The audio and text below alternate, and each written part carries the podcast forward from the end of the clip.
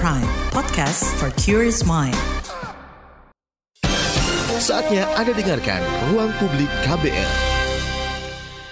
Halo, selamat pagi. Kita berjumpa kembali dalam Ruang Publik KBR pagi hari ini bersama saya Naomi Liandra. Dan di hari ini kita mengangkat tema bagaimana mendorong keterlibatan anak muda dalam pesta demokrasi. Saudara, anak muda punya peran dalam demokrasi yang inklusif. Tapi sayangnya partisipasi mereka juga bisa dibilang masih kurang. Nah, di ruang politik, anggota Dewan Perwakilan Rakyat DPR periode 2014-2019 yang berusia di bawah 30 tahun hanya sekitar 4 persen saja. Padahal, hampir seperempat penduduk Indonesia adalah anak muda. Oleh sebab itu, peran aktif generasi muda sangat diharapkan sekali ya, terutama menjelang pemilu serentak di 2024. Lalu seperti apa peran-peran yang bisa diambil anak muda Indonesia dalam pesta demokrasi? Nah, pagi ini di ruang publik KBR sudah hadir bersama kita dan akan kita bahas bersama dengan Bapak Idam Holik, anggota Komisi Pemilihan Umum KPU, dan juga Mbak Lady Diandra Karso Dinomo, Project Officer Generasi Melek Politik. Selamat pagi Pak Idam dan juga Mbak Lady. Selamat pagi Mbak, selamat pagi Mbak Lady. Pagi Mbak, pagi Pak. Terima kasih sudah hadir di ruang publik KBR pagi hari ini ya, Pak Idam dan juga Mbak Lady. Baik, kita mulai uh, ke Pak Idam dulu ya. Pak Idam, uh, saat ini seperti apa nih Pak Anda melihat uh, keterlibatan anak muda di Indonesia dalam demokrasi dan juga tentunya berpolitik?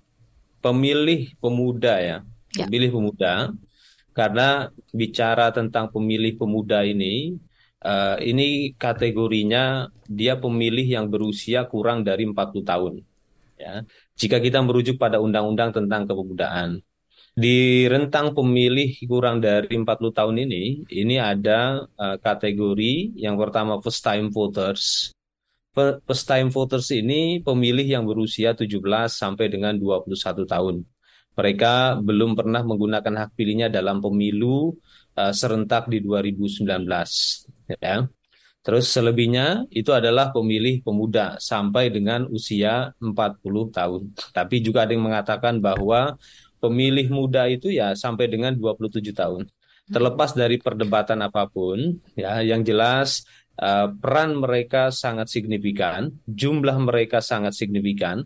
Kalau kita mengambil uh, pembatasan usia sampai 40 tahun, usia mereka itu bisa mencapai 51 persen. Hmm. Kalau kita menggunakan pembatasan sampai dengan 27 tahun, ya, maka usia mereka apa persentase mereka itu totalnya sekitar 28 persen. Tadi yang disampaikan oleh uh, Mbak bahwa uh, jumlahnya ini seperempat, hmm. ya, itu memang benar sekali. Oke, saya akan menyampaikan pandangan saya tentang uh, posisi strategis pemilih pemuda ini pem atau pemilih muda ini. Hmm. Mereka adalah pemilik masa depan demokrasi, Mbak. Hmm. Kenapa saya katakan demikian? Karena mereka di masa yang akan datang ini akan menempati posisi-posisi strategis di lembaga-lembaga publik, hmm. ya, uh, termasuk lembaga-lembaga yang diisi lewat mekanisme pemilu. Oleh karena itu, partisipasi mereka di dalam pemilu serentak 2024 ataupun pilkada serentak 2024 nanti ini akan menentukan arah bangsa ke depan seperti apa. Kami sebagai penyelenggara pemilu berupaya mewujudkan pemilu yang partisipatif dan pemilu yang inklusif. Oleh karena itu, dalam komunikasi publik kami, dalam komunikasi sosialisasi dan pendidikan pemilih, kami berupaya untuk menumbuh kembangkan mindset partisipatif. Hmm. Mindset partisipatif ini adalah satu mindset yang dimiliki oleh warga negara yang di mana orang yang atau warga negara tersebut memiliki kesadaran untuk berpartisipasi. Karena partisipasi tidak sekedar hak, Hmm. tetapi juga merupakan satu kewajiban. Kenapa saya katakan partisipasi tidak sekedar hak tapi juga kewajiban? Karena kita sebagai rakyat, kitalah pemilik kedaulatan. Ya, hmm. tidak semua negara di dunia memberikan kesempatan pada warga negara untuk berpartisipasi di dalam pemilu. Kenapa demikian? Karena memang ada negara yang tidak menjadikan demokrasi sebagai sistem pemerintahannya. Ada juga negara yang menganut sistem demokrasi tapi dengan partai tunggal. ya. Artinya bahwa berpartisipasi di dalam pemilu sebagai inti dari berpartisipasi di dalam demokrasi ini merupakan satu kesempatan yang luar biasa kita sebagai warga negara, ya. Dan ini harus dimaknai sebagai satu kewajiban karena demokrasi menjadi pilihan sistem politik dan sistem pemerintahan di Indonesia. Jadi kita sebagai warga negara bertanggung jawab terhadap masa depan Indonesia. Jadi berpartisipasi adalah titik awal kita menjaga masa depan Indonesia seperti apa yang kita ingin harapkan sebagai warga negara. Jadi kalau ada pandangan bahwa generasi muda itu tidak usah berpartisipasi, generasi muda tidak usah aktif dalam kepemiluan, hmm. itu adalah satu pandangan yang sangat tidak tepat dan harus kita luruskan. Kami sebagai penyelenggara pemilu berterima kasih kepada KBR yang telah memberikan ruang ya ruang publik tepatnya kepada kami untuk coba menyampaikan pandangan kami untuk memastikan kita sebagai warga negara, khususnya generasi muda sebagai warga negara, memiliki pandangan yang tepat karena hanya dengan pemilu ya kita bisa melanjutkan um, bisa melanjutkan pemerintahan. Kenapa demikian? Karena memang Indonesia memilih demokrasi sebagai sistem politik ya dan di sini kita ketahui lewat mekanisme pemilu ini periode pemerintahan selanjutnya ditentukan. Dan kita ketahui ya eh, pemilu tidak hanya memilih memilih anggota legislatif ya atau memilih uh, eksekutif baik presiden dan wakil presiden ataupun kepala daerah, tetapi juga di sini kita harus lihat bahwa di pemilu lah kebijakan publik arah pembangunan Indonesia ditentukan. Jadi bagi saya tidak ada kata kecuali bagi kita yang mencintai Indonesia pasti punya pandangan kita wajib berpartisipasi. Baik, terima kasih Pak Idam atas penjelasannya. Kita ke Mbak Lady. Mbak Lady tadi kan sudah disampaikan oleh Pak Idam gitu ya, saat ini sedang disosialisasikan juga pemilu yang partisipasi dan pemilu inklusif gitu. Nah dari uh, pandangan anda sendiri, uh, tentunya dari pandangan anak muda sendiri, kenapa sih masih sedikit sekali ya pemuda Indonesia yang mau terlibat uh, dalam kegiatan politik ini, uh, Mbak Lady? Oke, okay, uh, baik terima kasih Mbak untuk pertanyaannya. Mungkin dari pandangan anak muda sendiri yang kita tahu um, terlepas dari masih sedikit pemuda Indonesia yang mau terlibat dalam kegiatan politik, kita harus note ya bahwa setidaknya uh, di parlemen sekarang ada perwakilan uh, dari anak muda yang mungkin uh, ya bisa bisa kita katakan lebih lebih banyak daripada tahun-tahun sebelumnya. Hmm. Cuman kalau misalnya memang kita harus highlight kenapa masih sedikit pemuda Indonesia yang mau terlibat, khususnya dalam political groups yang kita sadari adalah satu ada cost yang mereka harus bear. Sedangkan um, pemuda itu sendiri memang resources yang tersedia itu nggak banyak kecuali kalau memang datang dari keluarga um, atau memiliki perusahaan yang memiliki kos yang siap untuk menanggung kos yang harus di, di um, disiapkan untuk mengikuti kontes demokrasi ataupun ingin uh, membuat karir politiknya. Dan yang kedua yang kita sadari juga uh, sistem partai politik di Indonesia ataupun uh, pol, um, institusi politik yang ada di Indonesia ini tidak mempersiapkan um, tangga karir yang jelas untuk para pemuda. Gitu. Sedangkan bisa dikatakan bahwa pemuda di Indonesia itu lapangan partisipasi untuk bekerja ataupun ingin menjadi entrepreneurs masih jauh lebih sedikit daripada negara-negara lain yang mungkin partisipasi politiknya lebih tinggi. Jadi uh, melihat bahwa uh, prioritas untuk mencari pekerjaan lain dengan tinggi uh, hmm. dengan tangga karir yang lebih jelas itu uh, lebih penting, uh, maka bisa kita katakan bahwa pemuda Indonesia mau tidak mau dengan kondisi yang ada sekarang um, harus bilang bahwa uh, harus let the political career uh, hmm. go untuk sekarang dan memilih um, berkarir di tempat lain yang memiliki tangga karir yang lebih jelas.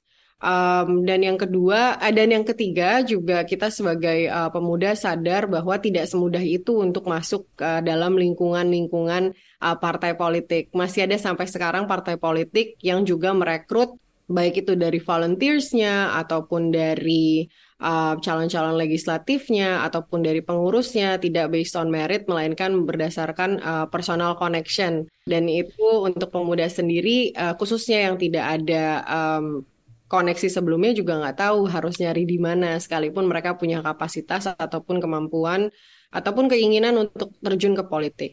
Dan um, yang terakhir uh, berdasarkan dari riset terbaru dari Next Gen ya dari uh, British Council, um, ini satu hal yang menarik juga untuk di highlight bahwa uh, banyak sekali pemuda yang memilih untuk bersuara me melalui sosial media dibandingkan terlibat langsung dalam hmm. uh, institusi politik yang ada karena kurangnya kepercayaan dengan sistem yang ada uh, di uh, di sistem politik yang yang ada sekarang khususnya partai politik.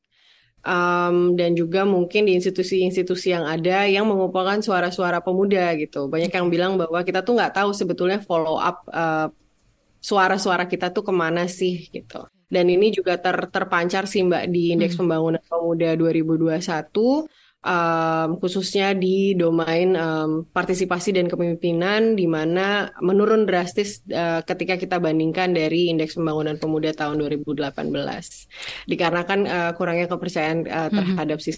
sistemnya uh, partai politik ini. Baik gitu. Baik itu uh, pandangan Anda yang Mbak Lady. Nah ini seperti apa nih Pak Idam tanggapan Anda soal tantangan yang disampaikan oleh Mbak Lady mengapa anak muda sulit ikut terjun ke politik. Mungkin tadi di awal dis, sempat disampaikan juga karena kos yang harus dibayar, kemudian juga dari sistem parpolnya dan lebih memilih uh, tangga karir yang lain yang mungkin lebih jelas dan uh, mumpuni gitu. Silakan Pak Idam tanggapan Anda. Ya, yang yang disampaikan oleh Mbak Lady Diandra ini inilah tantangan kita berdemokrasi ya. Bagaimana mengaktifasi partisipasi generasi muda untuk menjadi bagian penting dari kandidasi. Nah, tadi yang saya tangkap ini adalah proses kandidasi. Bahkan saya sih melihat tidak sekedar pada persoalan kandidasi. Saya melihat bahan, masih banyak generasi muda ini yang menganggap bahwa politik itu dirty, politik itu kotor. Nah, sehingga akhirnya mereka tidak tertarik. Ya, nah mindset inilah yang tidak tepat. Ya, bahkan banyak generasi muda misalkan mereka yang saat ini masih berada dalam perguruan tinggi itu tidak mau membaca berita-berita politik Ya, jadi berita-berita news engagement saja terkadang mereka rendah. Nah, dalam studi perilaku partisipasi, kalau news engagement rendah, maka potensi partisipasi akan berkurang. Nah, kita ketahui hari ini kalau kita bicara tentang akses informasi melalui akses pembacaan eh, akses berita, hmm. hari ini sudah tidak dibatasi oleh ruang dan waktu karena mungkin saya bisa mengatakan bahwa 98% generasi muda pasti punya gadget uh, smartphone ya. Hmm. ya. Artinya mengakses berita adalah hal yang sangat mudah. Mengakses dialog-dialog politik seperti yang saat ini sedang berlangsung di KPR adalah hal yang sangat mudah. Dengan bantuan mesin pencari dengan bantuan mesin pencari, generasi muda bisa mengakses pengetahuan yang tidak dibatasi oleh ruang dan waktu. Tidak mesti dia datang harus tidak mesti harus datang ke perpustakaan secara fisik, tapi dengan mengakses mesin pencari di smartphone dan mendengarkan konten-konten berkaitan dengan politik, ya berkaitan dengan konten demokrasi itu pun sudah partisipasi. Hmm. Nah, jadi saya ingin mengajak pada generasi muda, mari luangkan waktu kita untuk meningkatkan literasi politik kita ya melalui akses pemberitaan ataupun akses-akses dialog di media internet karena hari ini sudah tidak ada alasan bagi kita atau generasi muda untuk tidak mengetahui apa itu demokrasi, apakah itu pemilu dan bagaimana seharusnya Indonesia ke depan harus ditata seperti apa ya harus tahu karena masalahnya mereka yang hari ini usianya 20 tahun mm -hmm. ya nanti di Indonesia emas, di Indonesia 2045, mereka inilah yang akan berusia di berusia sekitar 46 apa sekitar 40-an tahun ya, 45-an mm-hmm. tahun. Artinya mereka berada dalam wilayah uh, berada dalam usia golden age ya. Dan mereka seharusnya sudah menjadi pemimpin publik seperti itu kan. Jadi berdemokrasi hari ini anggaplah sebagai sebuah pembelajaran untuk mematangkan leadership kepemudaan Baik. Ya. Anda yang bersangkutan misalnya ingin menjadi seorang pro, profesional di korporasi, mereka saya yakin mereka saya yakin mereka juga akan dituntut pemahaman tentang demokrasi. Mm-hmm. Kenapa? Ada yang, ada yang namanya public affair ya dalam urusan uh, korporasi seperti itu. Baik. Jadi pengetahuan demokrasi ini menurut saya sangat penting ya. Baik Pak Dan Idam. kami ingin mengajak pada generasi muda ya, mari manfaatkan momen penyelenggaraan tahapan pemilu ini sebagai sarana pembelajaran kita semua dan kita pastikan kita menggunakan hak politik yang benar. Baik Pak Idam nanti bisa dilanjutkan kembali mungkin uh, tanggapan Anda mengenai anak muda harus meningkatkan literasi politik mereka juga. Tetaplah di ruang publik KBR. Masih Anda dengarkan Ruang Publik KBR. Commercial break. Commercial break. Oke Google, cariin apa yang lagi trending sekarang dong. Yang lagi viral, yang lagi hits. Aduh kamu ini tahunya cuma nyur doang. Lah, dia nolak. Aku bilangin Siri nih. Ya sudah-sudah jangan ngambek dong. Kamu cukup buka KBR Prime titik ide, lalu cari what's trending. Semua dibahas tuntas dengan narasumber yang kredibel, jadi bisa buat referensi kamu. Wah iya nih, keren banget ya. Setiap hari lagi. Betul, dari Senin sampai Jumat. Jangan lupa hanya di KBR Prime titik ide atau di aplikasi podcast lainnya. Makasih ya Mbah Google. Hei kamu ini, saya masih gadis, kenapa dipanggil Mbah? KBR Prime, podcast for curious mind. Masih Anda dengarkan Ruang Publik KBR. Anda masih menyimak ruang publik KBR pagi hari ini dengan tema kita yaitu bagaimana mendorong keterlibatan anak muda dalam pesta demokrasi. Masih bersama dengan kedua narasumber kita ada Pak Idam Holik, anggota KPU dan juga ada Mbak Lady dari generasi Melek Politik. Kita ke Mbak Lady dulu ya. Mbak Lady, eh, keterlibatan anak muda ini kan eh, tidak hanya terlibat di partai politik aja gitu ya Mbak ya, tapi terlibat juga dalam tentunya persiapan pemilu. Ini uh, apa namanya bentuk anak muda melakukan keterlibatan itu sendiri dalam pesta demokrasi. Nah, tanggapan Anda sendiri gimana nih Mbak dari teman-teman generasi melek politik? Concernnya yang menjadi tujuan utamanya seperti apa Mbak Lady silakan. Uh, ya, kalau dari kita sendiri sih kita betul-betul setuju ya kalau misalnya memang partisipasi pemuda itu jauh di luar dari uh, di luar dari sistem partai politik itu juga ada gitu dari mereka engage dalam uh, pembuatan kebijakan di local government mereka lalu mereka berdiskusi juga via online itu adalah hmm. salah satu hal yang memang bisa dikatakan partisipasi demokrasi mereka gitu um, dari bagaimana mereka berpartisipasi mengikuti kebijakan aja itu udah merupakan partisipasi dari mereka di luar dari uh, sistem partai politik itu sendiri. Jadi kita uh, pastinya juga percaya dengan value itu. Uh, dan kita juga berusaha uh, senantiasa berusaha uh, dari GMP ini sendiri juga untuk uh, mengedukasi para teman-teman khususnya first time voters yang masih muda yang mungkin interest dalam uh, news uh, politik yang menurut mereka membosankan itu uh, itu adalah um, apa ya teman-teman yang pengen kita jangkau dari GMP itu sendiri sih Mbak untuk membuat mereka tahu gitu mm -hmm. bahwa peran-peran pemuda tuh di luar partai politik pun sangat-sangat uh, krusial mm -hmm. untuk demokrasi yang ada di Indonesia. Lalu kalau Pak Idam dari KPU sendiri Pak, upaya apa nih Pak yang uh, akan dilakukan untuk meningkatkan partisipasi anak muda tentunya terutama dalam pemilu 2024 mendatang? Partisipasi yang ideal itu partisipasi yang dilandasi pada literasi, political literacy based participation. Nah, karena ini basisnya harus pada literasi, maka ada dua. Yang pertama itu adalah proses pendidikan, yang kedua itu adalah proses uh, penerimaan informasi. Sehingga ada istilah well-informed voters atau pemilih yang terinformasikan dengan baik dan ada juga yang diistilahkan well-educated voters atau pemilih yang te, yang dididik dengan baik. Jadi dalam konteks ini kami akan mengintensifkan kegiatan sosialisasi dan pendidikan pemilih serta komunikasi publik kami dalam mendiseminasi informasi. Dan saya juga berterima kasih pada rekan-rekan media sebagai uh, pilar keempat demokrasi ya atau bisa dikatakan juga sebagai the guardian of democracy. Ini intens mendiseminasi informasi uh, politik ya berkaitan dengan informasi politik atau informasi penyelenggaraan pemilu, terus juga rekan-rekan media menyediakan platform atau ruang-ruang dialog ya sehingga informasi ataupun edukasi berkaitan demokrasi itu sekarang sangat mudah didapati lewat media.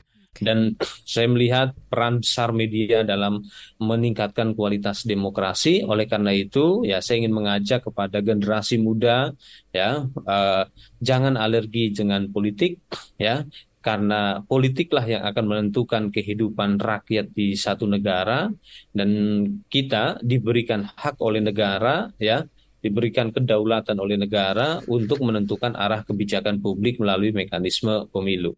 Oleh karena itu, mengetahui tahapan-tahapan penyelenggaraan pemilu itu bersifat wajib, sekali lagi, bersifat wajib karena bagaimana kita dapat menggunakan hak politik kita atau hak memilih kita di TPS nanti kalau kita, kalau sekiranya kita tidak memahami tahapan-tahapan penyelenggaraan pemilu. Saat ini kami sedang melakukan proses pemutakhiran daftar pemilih dan dalam proses pemutakhiran daftar pemilih KPU menggunakan basis aplikasi yaitu Sidali Sistem Informasi Data Pemilih dan untuk bisa mengetahui data pemilih generasi muda ini apakah sudah terdaftar atau belum dan TPS-nya TPS yang mana dapat diakses melalui cek dptonline.kpu.go.id Ya, artinya sekarang sangat mudah sekali mengecek nama kita dalam daftar pemilih hmm. itu juga salah satu bentuk partisipasi.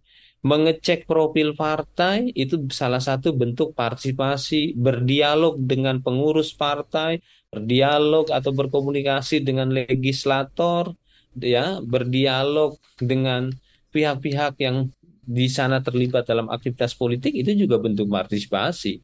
Dan partisipasi yang baik itu adalah di mana warga negara menggunakan hak pilihnya menjadi lebih baik lagi kalau penggunaan hak pilih ini didasari pada informasi dan pengetahuan yang benar ya apalagi kita ketahui hari ini penyelenggaraan pemilu di Indonesia masih dalam lanskap politik pasca kebenaran atau post truth politik atau mm-hmm. post truth world ya oleh karena itu ya kita mengenali informasi dengan baik itu menjadi sangat penting. Baik. Karena hari ini terkadang ada pihak-pihak yang memainkan clickbait ya sebagai mm -hmm. metode diseminasi informasi. Ya, bahkan disinformasi, hoax dan sebagainya. Itu menjadi pemilih yang cerdas itu adalah satu kewajiban bagi kita karena inilah yang akan tidak hanya menyelamatkan demokrasi tapi juga menyelamatkan diri kita karena hak politik kita sangat bernilai karena negara telah memberikannya kepada kita. Baik, Pak Idam dan juga Mbak Lady, sudah ada yang tersambung di line telepon KBR. Ingin memberikan pertanyaan, ada Ibu Tri di Jakarta. Kita sapa dulu. Selamat pagi, Ibu Tri. Iya, selamat pagi, Mbak. Iya, silakan. Iya, selamat pagi untuk Pak Idam dan juga Mbak Lady. Uh, tema yang sangat menarik ya hari ini dan terus terang sebagai generasi yang tidak muda lagi, saya uh, cukup uh, kaget juga tadi ya. Ada penjelasan Pak Ida meng mengatakan kalau uh, mahasiswa sekarang itu bahkan apa ya um, menghindari membaca berita politik gitu. Tapi saya kira apa yang dilakukan sama Mbak Lady dan teman-teman ya di komunitasnya itu satu hal yang perlu didukung Pak Idam ya karena uh, apa uh, bagaimanapun perlu ada upaya kembali untuk meningkatkan kepercayaan anak muda terhadap uh, demokrasi kita dan jadi tidak alergi gitu. Di pemilu uh, sebelumnya itu di tempat saya di Jakarta Pusat itu uh, anak mudanya beberapa terlibat jadi petugas PTS begitu saya kira itu sudah langkah yang bagus ya Pak ya yang perlu terus didorong supaya makin banyak anak muda itu uh, mengawal tidak hanya di sosial media tapi mengawal langsung di lapangan ketika uh, pesta demokrasi itu berlangsung. Terima kasih. Baik, terima kasih Ibu Tri di Jakarta. Seperti apa nih tanggapan uh, dari Pak Idam uh, mengenai pertanyaan Ibu Tri yaitu soal literasi politik ini mengapa masih rendah begitu ya? Nanti mungkin bisa ditanggapi, dijawab langsung oleh Pak Idam dan juga mungkin akan ada tanggapan ya. lanjutan juga oleh eh, Mbak Lady. Namun sebelum itu kita akan dengarkan pesan-pesan berikut ini. Tetaplah di Ruang Publik KBR.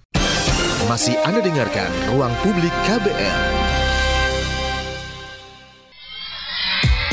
Yuk follow social media KBR. Twitter at Berita KBR, Instagram at kbr.id, Youtube Berita KBR.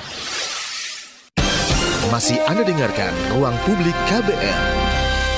Kita masih berbincang-bincang bersama dengan Pak Idam, anggota KPU dan juga dari generasi melek politik ada Mbak Lady mengenai topik kita yaitu bagaimana mendorong keterlibatan anak muda dalam pesta demokrasi. Tadi sudah ada Ibu Tri yang bertanya dari Jakarta gitu ya, mengapa literasi politik ini masih rendah gitu ya di anak muda Indonesia? Mungkin sebelum ditanggapi oleh Pak Idam dari Mbak Lady dulu, silakan Mbak Lady tanggapan Anda. Mengenai literasi politik ya Mbak ya, ya Bu. Uh, terima kasih untuk pertanyaannya. Mungkin dari GMP sendiri kami juga sadar sih bahwa memang uh, mengemas literasi politik di tengah kondisi yang tadi memang sudah Pak uh, Idam jelaskan itu menjadi salah satu tantangan ya. Jadi memang um, yang yang menjadi yang menjadi concern utama kami dari GMP juga bagaimana sih kita bisa mengemas literasi politik sehingga banyak anak muda khususnya first time voters uh, untuk tertarik dengan uh, politik itu sendiri. Uh, mungkin yang kita sadari banyak sekali banyak sekali pemuda juga yang yang berpikir bahwa memang politik itu sesuatu yang membosankan, sesuatu yang kotor, sesuatu yang um, sesuatu yang terlalu ribet lah, terlalu complicated. Jadi mereka tidak hmm. ingin uh, mengetahui lebih lanjut terlepas hmm. dari peran mereka yang sebetulnya besar dalam dalam meningkatkan literasi politik itu sendiri. Jadi memang uh, usaha kami dari GMP itu sendiri mungkin nanti bisa dijelasin lebih lanjut adalah membuat program-program yang catchy, yang simple. Hmm yang um, setidaknya menjelaskan bahwa politik itu seperti apa, apa itu critical thinking dalam politik, apa itu negosiasi dalam politik, apa itu lo, uh, apa itu lobbying dalam politik? Sehingga uh, bisa sedikitnya mengurangi lah pandangan bahwa oh politik itu kotor, politik itu ribet, melainkan memahami bahwa oh itu adalah memang uh, proses demokrasi yang kita harus lalui. Itu mungkin hal-hal um, yang kita dari GMP uh, ingin coba bantu sih untuk saat ini. Baik Mbak Lady, uh, mungkin dari Pak Idam, silakan Pak Idam bisa dilanjutkan tanggapan tambahan dari Anda seperti apa? Terima kasih Bu Tri. Bagi saya siapa pun yang bersemangat ya untuk memajukan demokrasi itulah pemuda. Ya kalau Ibu Tri tadi mengatakan bahwa saya sudah tidak muda lagi, itu bentuk kerendahan diri beliau saja, tapi saya melihat beliaulah yang sebenarnya pemuda karena semangat betul ketika bicara tentang demokrasi, bagaimana menyelesaikan permasalahan demokrasi, dan bagaimana seharusnya demokrasi ke depan dibangun. Jadi Ibu Tri tetap generasi muda, saya anggap ya. Makasih ya Bu Tri ya. Uh, tadi saya menyampaikan informasi bahwa banyak generasi muda yang di perguruan tinggi tidak suka dengan politik. Itu hmm. saya pernah baca dari sebuah hasil penelitian ya di tahun 2018 ya dan ini bagi saya informasi ini menjadi tantangan bagi kita semua, apalagi bagi para pendidik ya. Dahulu saya pernah jadi seorang pengajar ya. Saya walaupun misalkan mata kuliahnya itu berkaitan dengan public relation ya, public yeah. relation di korporasi, tapi terkadang saya sisipi pada persoalan pengetahuan demokrasi. Ya, terkadang misalkan mata kuliahnya berkaitan dengan metodologi uh, statistik ya kadang saya sisipi dengan demokrasi karena bagi saya pengetahuan berdemokrasi ini atau pengetahuan berwarga negara yang baik ini ini sesuatu yang harus diketahui oleh segenap warga negara itu hmm. dan kalau tadi saya sampaikan bahwa ada apa ada tingkat partisipasi yang rendah di kalangan mahasiswa karena yeah. saya menginginkan menginginkan bahwa harusnya lah mahasiswa yang berpartisipasi kalau kita buka data hasil survei berkait atau hasil riset berkaitan dengan social media use atau penggunaan media sosial di kalangan generasi muda itu pasti beragam riset, beragam hasil riset menyatakan bahwa pasti yang paling banyak menggunakan media sosial itu adalah generasi muda. Hmm. Mereka yang usianya di bawah 30 tahun, itu keyakinan saya.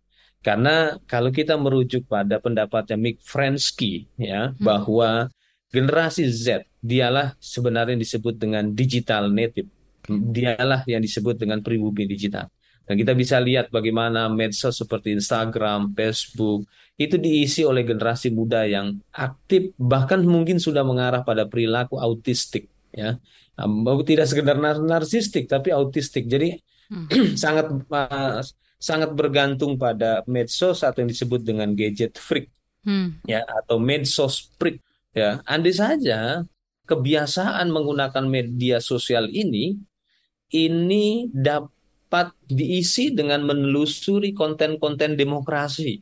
Dapat ditelusuri menelu, apa berkaitan dengan konten-konten konstitusi. Karena demokrasi kita adalah demokrasi konstitusional. Dapat menelusuri tentang bagaimana berwarga negara yang baik hak dan kewajiban kita seperti apa apa itu pemilu hmm. ya apa itu tahapan pemilu dan bagaimana seharusnya memilih seorang legisla calon legislator ya kan karena dalam perspektif teori kontrak sosial ya pemberian suara di TPS di bilik suara itu adalah salah satu bentuk kontrak sosial. Kontrak kita sebagai warga negara kepada calon pemimpin. Kalau sekiranya ya sekiranya Anda saya pilih dan apa saya Anda pilih dan sekiranya Anda terpilih apa yang akan Anda perjuangkan terhadap kami? Kan gitu kan? Apa yang akan Anda wujudkan program-program pembangunan kira-kira seperti itulah ya dialog imajinernya pada saat di TPS Baik. Jadi jangan menganggap bahwa ketika datang ke TPS itu sekedar karena faktor social pressure, tekanan sosial dari misalkan Pak RT, kalau ketemu Pak RT nggak enak kalau ditanya, kenapa nggak mau menggunakan hak pilih? Mm-hmm. Nah, jadi imajinasi itulah yang mendorong mereka untuk ke TPS itu jangan ya. Jadi harusnya memang ini hak saya, it's my right ya. Jadi Anda datang ke TPS itu karena saya menginginkan daerah saya seperti ini, Indonesia seperti ini. Nah, kira-kira seperti itulah. Ya, Baik. Jadi generasi muda yang ditandai dengan kemampuan intelijensinya yang masih sangat baik, terus juga sikap kritisnya. Jadi saya menaruh harapan besar demokrasi ke depan itu akan lebih baik kalau generasi mudanya itu berliterasi dan aktif berpartisipasi. Baik Pak Idam dan juga Mbak Lady. Nah, uh, sekarang kita kalau ke generasi melek politik nih Mbak Lady. Bicara soal program gitu ya, tadi Mbak Lady sempat uh, menyampaikan sedikit apa saja nih Mbak uh, program-program dari generasi melek politik ini sendiri? Uh, mungkin kalau dari GMP sendiri Mbak. -huh. kita memang ada banyak banget sih program yang mungkin bisa teman-teman uh, mungkin khususnya teman-teman muda yang yang uh, mendengarkan hari ini bisa cek langsung di Instagram kita @generasi_melek_politik.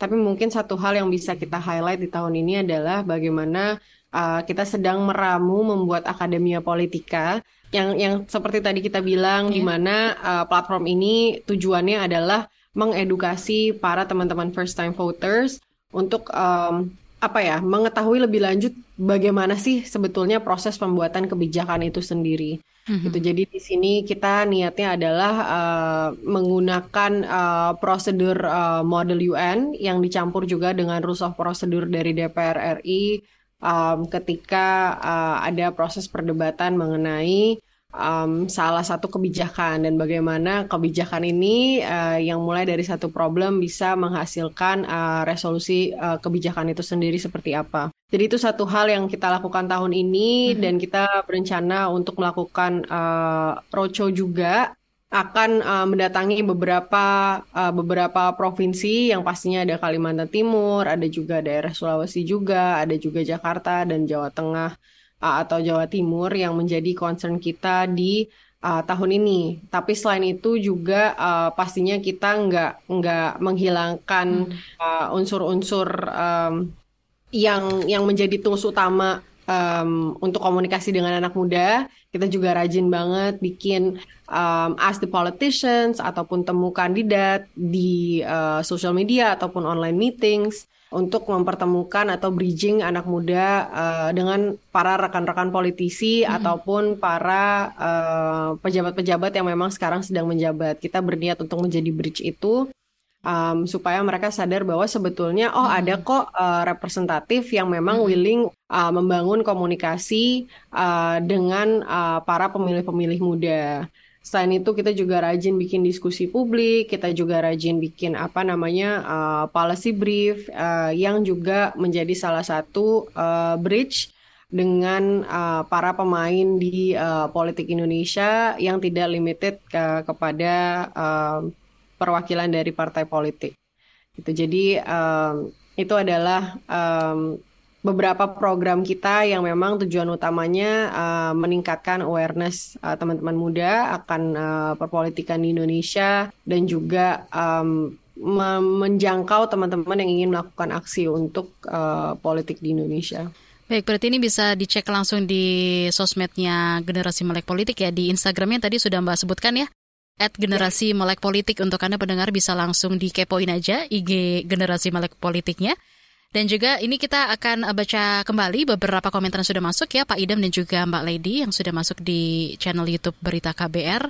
Ada dari Bapak Wikan Wirat Songko di Bekasi. Apakah penyelenggara pemilu sudah ada kerjasama dengan kampus-kampus dan lembaga pendidikan? Dan bagaimana bentuk kerjasamanya? Silakan bisa ditanggapi dulu oleh Pak Idam. Terima kasih Pak atas pertanyaannya yang penting sehingga memberikan kesempatan bagi kami untuk menyampaikan informasi yang penting banyak sekali, banyak sekali MOU antara KPU, KPU RI, KPU Provinsi, KPU Kabupaten Kota dengan perguruan-perguruan tinggi di Indonesia. ya, itu salah satu fokusnya adalah kegiatan sosialisasi dan pendidikan pemilih. Dan ini memang komitmen KPU untuk bersama para stakeholder memajukan demokrasi. Karena kalau kita bicara tentang posisi strategis perguruan tinggi, sudah sangat jelas ini adalah lembaga pendidikan yang di mana ideologi negara ini ditanamkan. Ya, jadi perguruan tinggi selama ini yang kami ketahui itu sangat aktif ya berkomunikasi dengan kami dalam bentuk MOU dan bahkan kami juga melakukan kerjasama dengan uh, asosiasi uh, pengajar hukum tata negara misalnya ya ataupun asosiasi-asosiasi dosen lainnya. Itu. Makasih ya Pak pertanyaannya uh, dan insya Allah kami sebagai lembaga pelayanan kami terbuka untuk melakukan kerjasama dengan siapa pun, tapi dengan syarat tokoh ataupun lembaga tersebut harus imparsial, harus independen karena kami adalah lembaga imparsial, kami adalah lembaga pelayanan yang melayani seluruh peserta pemilu. Baik Pak Idam dan juga ya. Mbak Lady, nanti kita lanjut kembali bicarakan uh, topik kita pagi hari ini bagaimana mendorong keterlibatan anak muda dalam pesta demokrasi. Dan untuk Anda yang sudah mengirimkan WhatsApp, sabar nanti kita akan bacakan satu persatu dan akan ditanggapi oleh kedua narasumber kita. Tetaplah di Ruang Publik KBR. Masih Anda dengarkan Ruang Publik KBR. Commercial break. Commercial break. Transfer ke sini udah, bayar ini juga udah. Ke gue udah. Hih, Allah, pertumbuhan ekonomi tuh lagi melambat, persis kayak tabungan gue. Betul banget. Harus matang ngelola keuangan. Pengennya tuh investasi sesuatu gitu ya. Apa gitu yang cocok dan menguntungkan? Hmm, coba dengerin uang bicara deh. Gue belakangan lagi dengerin podcast itu di KBR Prime reksadana yang tadinya 500 juta udah turun dari 250 juta sekarang 10 ribu. Sama kita ngopi mahalan mana ketika itu ada keputusan yang kayak begitu investor harus tahu gitu oh ada keputusan ini berarti implikasinya apa orang mungkin perluas literasi kamu lewat podcast Uang Bicara Uang Bicara menavigasi kamu dengan menghadirkan bahasan-bahasan seru dan populer mulai dari investasi sampai kebijakan. Dipersembahkan oleh KBR Prime dan bisa didengarkan di KBR Prime, Spotify, dan platform mendengarkan podcast lainnya. KBR Prime, podcast for curious mind. Masih Anda dengarkan Ruang Publik KBR. Masih membahas mengenai bagaimana mendorong keterlibatan anak muda dalam pesta demokrasi. Masih bersama dengan kedua narasumber kita, ada Pak Idam Holik, anggota KPU, dan juga dari generasi melek politik ada Mbak Lady. Sebagai anak muda saya masih ragu untuk masuk ke dunia politik karena masih banyak stigma yang menganggap remeh kinerja anak muda. Bagaimana teman-teman di generasi melek politik melihat soal stigma ini? Silakan Mbak Lady bisa ditanggapi terlebih dahulu. Uh, betul Mbak, uh, mungkin kalau misalnya dari kita menyadari bahwa um, ada pandangan-pandangan tersebut yang memang ada di di anak muda. Apakah anak muda itu sebetulnya capable dalam membuat perubahan?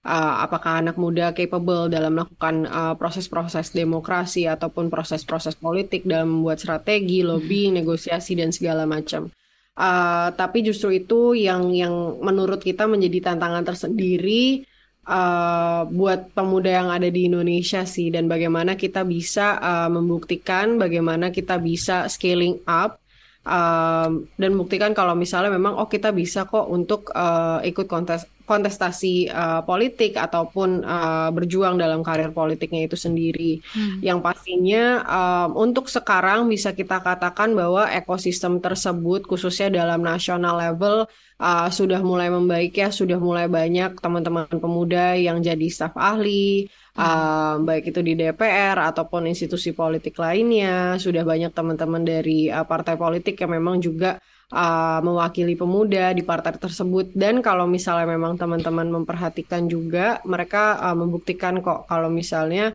ada perubahan-perubahan yang memang uh, mereka bawa sebagai salah satu perwakilan. Jadi menurut saya ketika kita sebagai pemuda uh, memahami bahwa ada kurangnya kepercayaan terhadap pemuda, bukannya kita juga malah jadi uh, mundur hmm. dan menunggu untuk dipercaya uh, karena teman-teman dari GMP sendiri percaya juga bahwa uh, trust itu earn hmm. bukan uh, sem, uh, bukan semerta-merta diberikan begitu saja gitu. Jadi uh, apabila memang kita punya value, apabila memang kita punya um, hal yang bisa ditawarkan dan kebetulan memang dibutuhkan pasti uh, pasti akan ada akan ada jalan uh, karir politik ataupun cara-cara lain untuk uh, mendukung interest teman-teman masuk ke dalam uh, dunia politik. Mungkin kalau misalnya dari teman-teman GMP seperti mm -hmm. itu, Uh, tapi memang uh, tantangan secara level lokal itu mm -hmm. uh, layer lainnya yang yang yang pastinya perlu dibahas secara uh, konstruktif. Baik Mbak Lady, thank you. Mungkin tanggapan dari Pak Idam soal stigma terhadap kinerja anak muda yang terlibat politik ini. Anda melihatnya seperti apa Pak? Silakan. Ya, dalam konteks pemahaman mengenai kinerja anak muda tentunya sebenarnya variatif. Kalau kita melakukan stratifying, ya itu mungkin kita akan berpendapat bahwa generasi muda tidak punya kinerja yang baik. Tapi menurut saya itu juga salah. Banyak generasi muda yang potensial ya, ketika yang bersangkutan memang menjadi seorang legislator, menjadi kepala daerah, banyak kok. Nah, oleh karena itu dalam kita memandang uh, partisipasi uh, atau keaktifan generasi muda di, di dalam politik ini juga kita harus objektif. Kalau tadi saya menyampaikan masih banyak generasi muda yang masih apatis, mm-hmm. itu kan satu, satu realitas yang harus kita selesaikan. Bukan berarti bahwa seluruh generasi muda, enggak juga Hmm. Karena memang banyak generasi muda yang hari ini berprofesi di dalam lembaga-lembaga politik ya dan itu harus menjadi menginspirasi kita semuanya seperti itu. Baik Pak Idam dan juga Mbak Lady nih karena keterbatasan waktu juga ini terakhir ya pertanyaan untuk Anda berdua. Uh, bisa disampaikan uh, pesan Anda uh, untuk anak muda Indonesia supaya tentunya semakin aktif dalam pemilu 2024 dari Mbak Lady dan juga Pak Idam masing-masing satu menit silakan dari Mbak Lady terlebih dahulu. Ya, mungkin kalau dari kita teman-teman dari GMP Mbak ingin uh, mengemphasize lagi ke teman-teman yang ada, khususnya teman-teman uh, pemuda yang mendengarkan bahwa uh, partisipasi kita dalam politik itu spektrumnya luas sekali dari partisipasi yang paling kecil um, yaitu mengedukasi diri sendiri sampai uh, partisipasi uh, untuk mengedukasi orang-orang uh, sekitar sampai juga memilih dan setelah memilih juga ada partisipasi yang lebih uh, ekstensif lagi yaitu kita ikut monitoring dan kita ikut evaluasi uh, proses jalannya demokrasi dan demokrasi di Indonesia itu sudah mengantarkan kita sampai ke level mana. Jadi mungkin uh, itu satu hal yang pengen uh, kita informasikan kepada teman-teman pemuda bahwa Tinggal kita melihat aja hmm. di mana sih peran yang uh, memungkinkan untuk kita untuk ikut bergerak dan pastinya isu apa yang sebetulnya ingin kita uh, perjuangkan sebagai hmm. pemuda. Banyak Baik. sekali isu yang menjadi concern utama sebagai pemuda, khususnya lapangan partisipasi uh, di bidang pekerjaan dan entrepreneurship yang memang uh, levelnya masih masih cukup rendah. Mungkin itu bisa menjadi salah satu isu yang teman-teman perjuangkan dan banyak sekali ruang di dalam uh, politik khususnya uh, yang harus kita perhatikan di pemilu Baik. 2020 untuk isu-isu tersebut. Jadi uh, mungkin kalau dari GMP bisa di situ dan uh, pastinya jangan lupa untuk reach out ke kita untuk sama-sama belajar di at generasi melek politik. Baik, terima kasih Mbak Lady. Uh, terakhir dari Pak Idam bisa sampaikan singkat saja Pak karena waktu kita sudah sangat uh, terbatas. Silakan Pak ya, Idam. Baik, Mbak. Karena pemilu adalah jantungnya demokrasi dan Indonesia memilih demokrasi sebagai sistem politik dan kita yang mencintai Indonesia, maka tidak ada kata lain kecuali kita berpartisipasi aktif di dalam pemilu, karena dengan berpartisipasi di, berpartisipasi aktif di dalam pemilu, kita akan menentukan masa depan bangsa dan negara seperti apa yang kita inginkan. Dan saya sangat yakin generasi muda uh, memiliki intelijensi yang dapat membanggakan sehingga dapat berpartisipasi aktif dimulai dengan cara aktif mengakses informasi-informasi penting berkaitan dengan penyelenggaraan pemilu. Jadilah warga negara yang berinformasi baik. Baik, demikian ruang publik KBR dengan tema bagaimana mendorong keterlibatan anak muda dalam pesta demokrasi. Terima kasih banyak untuk kedua narasumber kita. Ada Bapak Idam Holik, anggota Komisi Pemilihan Umum KPU. Terima kasih Pak Idam dan juga terima kasih untuk Mbak Lady Diandra Karsodinomo, Project Officer Generasi Melek Politik. Terima kasih sekali Mbak Lady ya untuk waktu dan juga kesempatan Anda berdua. Saya Naomi Liandra pamit dan sampai jumpa di ruang publik minggu depan. Baru saja Anda dengarkan Ruang Publik KBR. KBR Prime, cara asik mendengar berita. KBR Prime, podcast for curious mind.